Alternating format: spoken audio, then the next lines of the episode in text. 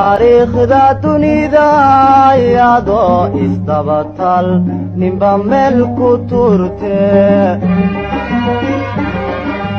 aniguna tusmaysto qayrkay halkuu tegay u tabaabulshayste waan idin salaamay dhegaystayaashayda quruxda badan meelba dunida ka joogtaan ku soo dhawaada barnaamijkeena ilanafis wakhtigay ku tahay oo wanaagsan aniga waxay ii tahay fiidnimo khamiis ah roobna da'aayo fiidnimo aad u qurux badan sheekada ahaayana aad ugu soo baxayso waxay ahayd dabyaaqadii labada kun lix iyo tobankii markii aan soo gabagabeeyey hayaankayga waxbarasho ee dugsiga sare. Muddo afar sano ah ayaan naawilayay inaan mar un ka farxasho dugsiga sare. Waa jaranjartii aan ku gaari lahaa hamigayga iyo ka dhabaynta riyooyinkii ilaa yaraantayda maankayga ka dhex guuxaayay afarta sano ee aan waxbarashada ku jiray saddex sano ka mid ah waxaa i barbar socday oo isweheshanaynay xabso. Xabso waxay inagu soo biirtay dhammaadka foomankii annagu u gudbi foom two. Sida caadada ahayd markii arday cusub fasalka ku soo siyaado macallimiinta waxay ardayda ka codsan jireen in si wanaagsan loo soo dhoweeyo ardayga cusub. Inta loo kaco baa welcom iyo sacab la isugu dari jiray. Subaxa xabso si wacan baa loo soo dhoweeyey tartiib inta ay u soo socotay bay kursi qaybta dhexe yaalay salka la heshay. Qurux badana in ay qurux badan tahay waxaa usi dheer labiska cuseebka ay xidhan tahay waxaa la moodaa xuuralcayn jannada ka soo xagaa baxday intaan eegayey wadnahayga aad buu u garaacmayey waan ku indho daraandaray malaha asaagayga weli soo dhowayntii iyo sacabkii buu wadaa. Inaan barto muddo iguma qaadan maalintay timid maalinta ku xigtay breaktimeka ayadoo keligeed meel taagan baan intaan u tagay ku yidhi waal xabso soo dhowow waxaan rajaynaa inaad ka heli doonto iskoolkeena oo aad inala dhammaysan doonto afarta sano. Intay dhoola caddaysay bay tiri mahadsanid aboowe waan rajaynaa inaan halkan ku dhammaysto waxay ahayd qof qof furfuran oo sheeko yaqaan ah. In cabaar baan uga warramay warramidii keliya ma ahee weliba u sharaxaya dabeecadaha iskoolka iyo nidaamka ka jiro bal maxaa iga galay? Durbadiiba waxaa laga shanqarsiiyey gambaleelkii lagu xaroon lahaa. Inta ay dhaqaaqin baa waxaan ku idhi anigoo gariirayo abbaay xabso fadlan ma ii qori kartaa nambarkaaga? Haa waa caadi aboowe ayay igu jawaabtay. Waxaan u dhiibay warqad iyo qalin aan horay ugu soo qorsheeyey inaan nambarka igu qorto. Isla habeenkiiba fariin baan u diray. Hilow walaal xabso haa aboowe nuuraddiin ii waran bay ii soo qortay. Intaan yaabay waxaanu qoray sidee igu garatay laakiin waan ogaa inaad ila soo hadlayso bay igu soo jawaabtay. Fariidsana oo qurux badana baan niyadda ka idhi runtii habeenka sheekada way isku keenbaxday aad iyo aad ayaan ugu riyaaqay la hadalka xabso. Habeenkaa wuxuu ahaa bilowga jaceyl socon doono muddo saddex sano ah. Wada sheekaysigii habeenka wuxuu waddada u xaaray inaan dad iskaftan yaqaano oo isku dhow noqonno markaan iskoolka ka soo baxno waan soo dhoweyn jiray ilaa gurigooda. Intaan waddada ku jirno waxaan ku ducaysan jiray inuu guriga fogaado.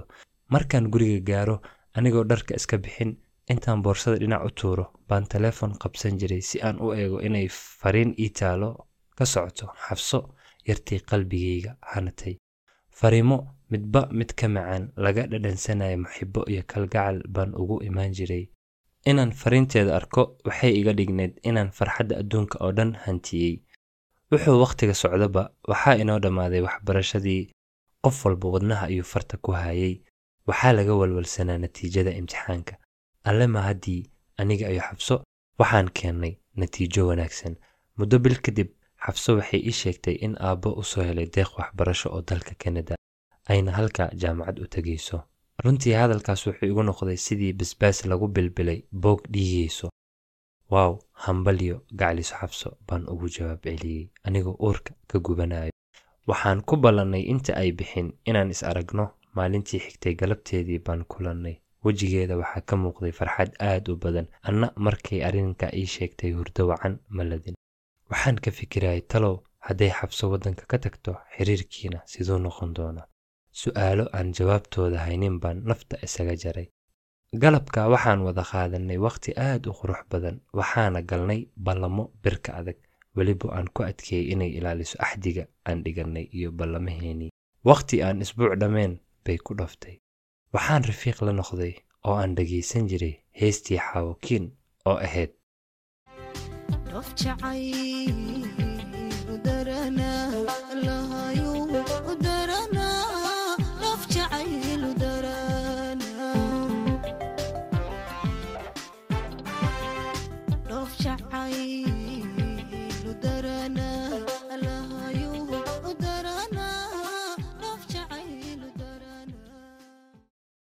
Isbuuc nasiino ah kadib xabso waxay bilowday jaamacaddeedii marba marka ka dambeyso waxaa soo yaraanayay wadahadalkeenii waxaa batay cudurdaarkeedii maadooyin cusub baan bilaabay.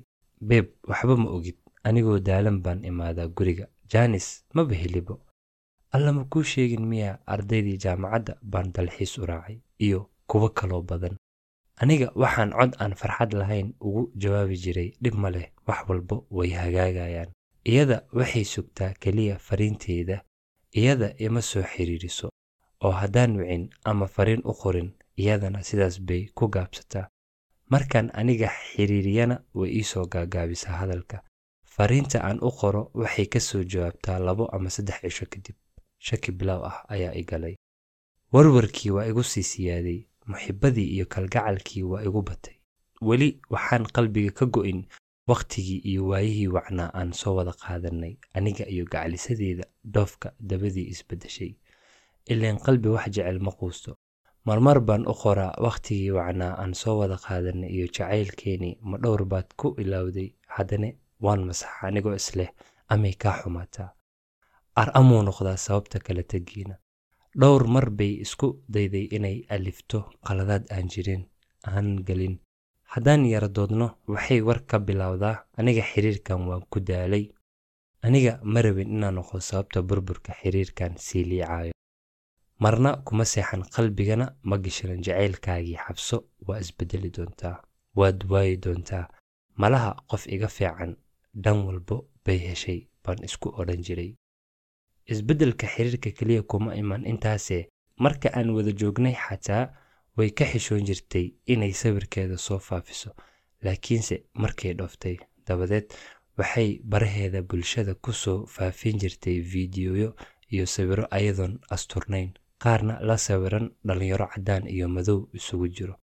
Markaan arrinkaa kala hadlo waxay igu odhan jirtay adiga waad dambaysaa oo third baad ku nooshahay.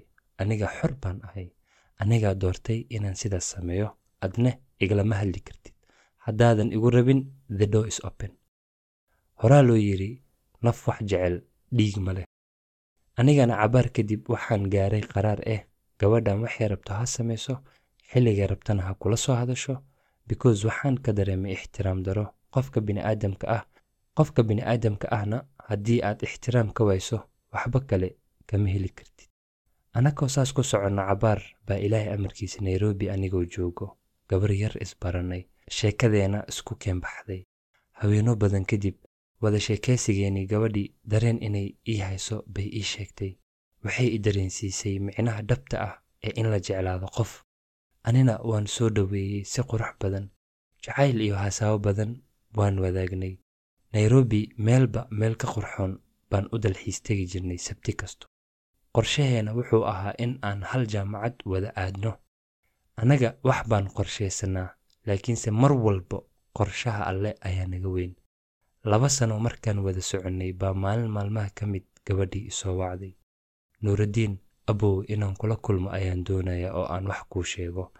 Anigoo la yaaban waxa aan geystay baa haye ku idhi maxaa yeelay mar walba oo aan isfahmi weyno fadhi ka fadhi baan ku xalin jirnay khilaafkeena laakiinse toogtan arrinka sidaa waa ka duwan yahay markii aan is aragnay bee waxay ii sheegtay in aabbaheed uu siiyey wiil adeerkeed uu dhalay oo ka imaanayay dalka switzerland. Nuurdiinow aboowe maxaa sameeya? Aniga adiga uun baan ku jeclahay. Mana rabi nin kale inaan nolosha la wadaago. Aniga afkii baa jooqda i gabay. Wax aan ku hadlo iyo wax kaleeto ayaan garan waayay runtii. Waxaan niyadda iska dhahay. Maxaan galabsaday oo liiga goyn? Godob jacayl weligay ma gelin mise anaan jacayl u qalmin. Galad eebba weeyee waxaan guule kuu qorin orad laguma gaaro. Taariikhda dunida iyadoo isdabatal ninba meel ku turte. Aniguna tusmaysto qayrkay halkuu tegay u waa mahadsantahay sidaad inoola wadaagtay sheekadaada dhegeysta adna nala wadaag sheekadaada oo ku nafis barnaamijkeena ila nafis. Qisadaada waxaad inoogu soo gudbin kartaa boggeena aan ku leenahay instagram-ka diin axmed. Tan iyo sheekada xigta waxaan isku ognahay sidaas iyo ammaano allah.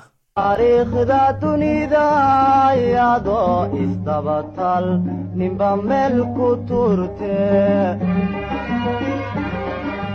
aniguna tusmaysto qayrkay halkuu tegay u tabaabulshayste